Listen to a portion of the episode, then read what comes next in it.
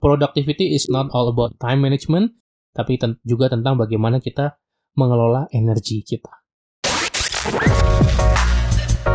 Halo, selamat datang di podcast Cerita Pembelajar.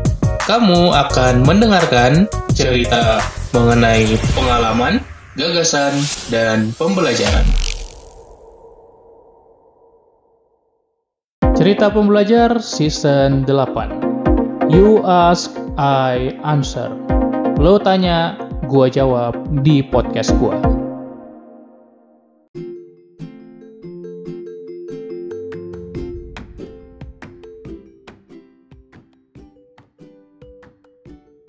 Halo sobat pembelajar, gimana kabarnya? Semoga sehat selalu ya dan selalu jaga kesehatan physically and mentally as well.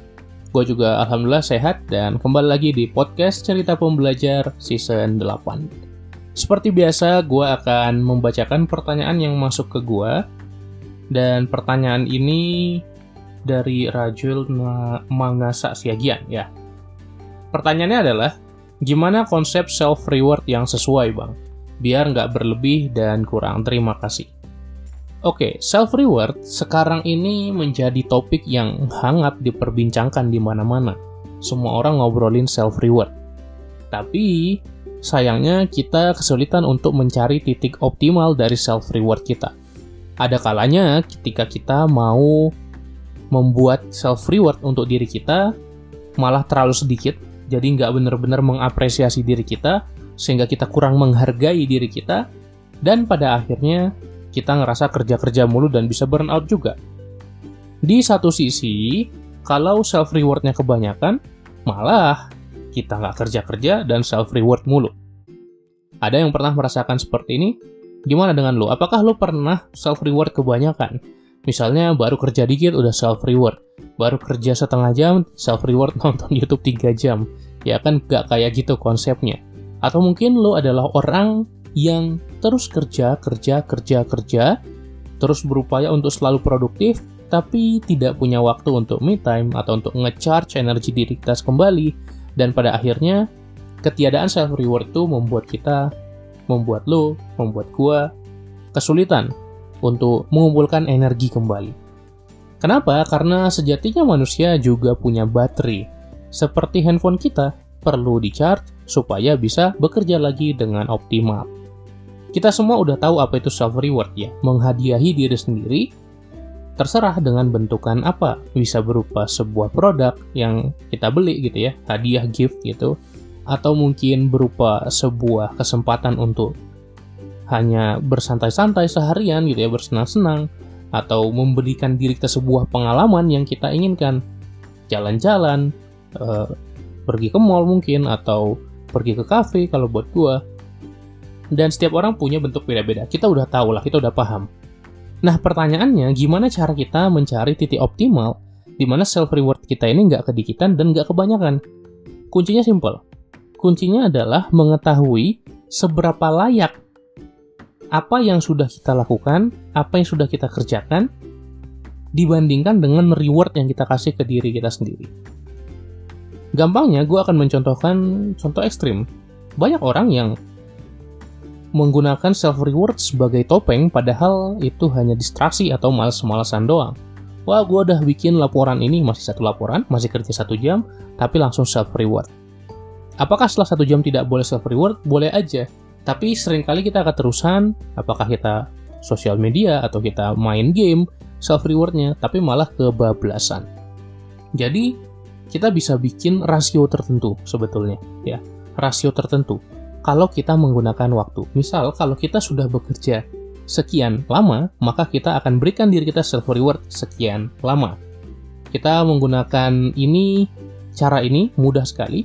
Kita tinggal mau model prinsip Pomodoro di Pomodoro, kita bekerja 25 menit dan istirahat 5 menit. Gua nggak akan bahas teknik Pomodoro di podcast ini, tapi gua hanya mau ambil rasionya. Rasionya ini apa? 5 banding 1. Ya, lo tentu bisa adjust memilih 4 banding 1 atau 6 banding 1. Tapi gampangnya kita bisa ambil teknik 5 banding 1 ini ke pekerjaan kita, kegiatan kita, aktivitas kita. Sebagai contoh, misalnya kita sudah bekerja terus di depan laptop selama 5 jam, maka kita boleh beristirahat selama satu jam. Ini adalah guideline simpelnya. Kalau kita sudah bekerja selama 5 hari weekdays, kita bisa satu hari full untuk istirahat doang. Ya, konsep weekday weekend kan seperti itu. Jadi, kita tinggal ambil rasio yang pas buat kita. Nah, ambillah 5 banding 1 ini sebagai patokan awal. Tapi kita juga harus adjust, kita iterasi lagi, kita ulangi, apakah cukup? Atau mungkin kita harus 3 banding 1 atau 5 banding 2. Kita bisa adjust itu semua, kita bisa coba. Dan kita cari yang mana yang paling works buat kita. Oke? Okay?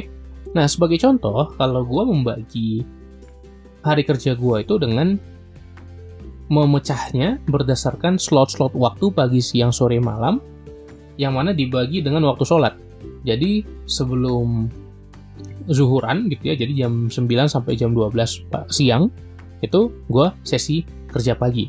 Habis itu gue istirahat satu jam, itu sebenarnya sudah cukup banyak ya buat gue. Ya udah sekaligus sholat dan makan, ya gue main HP, bahkan main game kalau memang sempat. Terus baru jam 1 masuk lagi gitu ya. Jadi sebenarnya kayak jam kerja kantor walaupun gue self-employed jam 1 gue coba kerjain lagi terus nanti ada istirahat ketika asar baru masuk ke sore dan nanti maghrib isya itu dikosongin dulu baru setelah itu kalau ada agenda lagi kalau nggak ada biasanya malam gue pakai untuk self reward jadi biasanya malam gue kalau nggak ngajar kemudian ngisi live kalau nggak gue self reward. Sering banget gue seharian uh, kerja misal di coworking space atau di cafe pagi siang sore terus malamnya ngapain? Ya udah gue maraton anime kayak atau nonton film atau main game. Ya terserah gue karena itu adalah waktu untuk self reward. Kalau memang ada agenda ya nggak apa-apa agenda aja. Dan sering kali gue ngambil waktu libur untuk self reward. Nah karena gue punya privilege sebagai seorang self employed ya gue bisa memilih waktu libur gue kapan. Sebagai contoh gue sering banget kerja full di Sabtu bahkan mungkin Minggu juga. Tapi gue pick holiday gue itu di hari Selasa ya. Somehow gue sering mengambil hari Selasa dan Kamis sebagai liburan dan bersantai saja. Kenapa? Karena uh, dari jadwal gue waktu itu yang kayaknya cocok aja gitu ya. Sebenarnya bebas ya. Jadi gue bisa memilih kapan gue mau kerja kapan gue mau libur jadi dikembalikan lagi ke diri kita patokan awalnya bisa gunakan 5 banding satu tadi terus kita perhatikan apakah self reward kita ini udah kebanyakan atau masih kedikitan apakah bisa ditambah lagi atau harus dikurangi. Kemudian yang gue sarankan juga self reward kalau bisa jangan hanya barang. Ya, jangan hanya barang tapi experience. Kenapa? Karena manusia sejatinya jauh lebih menghargai experience ya pengalaman daripada menghargai barang-barang materialistik ya, kekayaan materialistik. Daripada kita beli kalau ekstrimnya beli mobil, rumah gitu ya.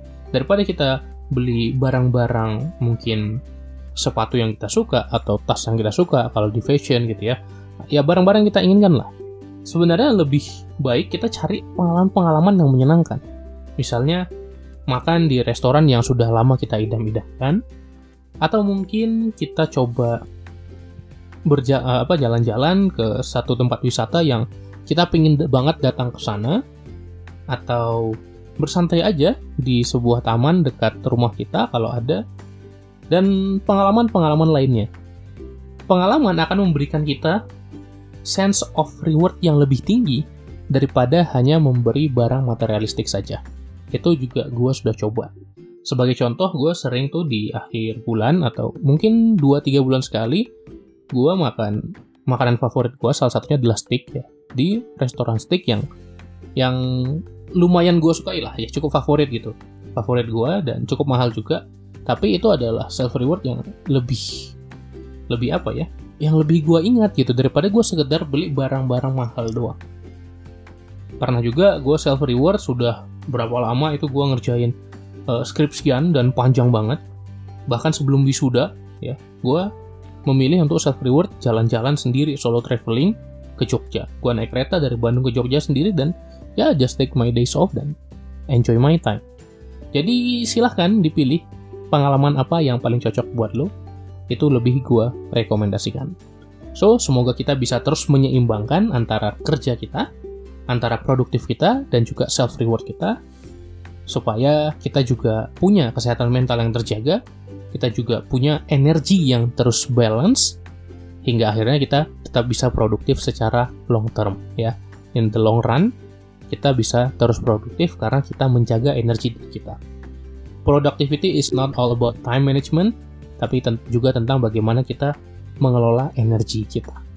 Itu aja buat episode kali ini, semoga memberikan gambaran pentingnya energi, pentingnya self-reward, dan bagaimana kita bisa mengutamakan self-reward yang sifatnya experience daripada barang. Semoga episode ini bermanfaat. Kalau lo suka dengan episode kali ini, jangan lupa share di story tag gue at pembelajar produktif dan tuliskan apa insight yang paling lo dapatkan. Jangan lupa follow juga di Spotify dan bagikan podcast ini ke teman-teman lo supaya lebih banyak yang merasakan manfaatnya. Itu aja, sampai jumpa di episode berikutnya. Salam pembelajar.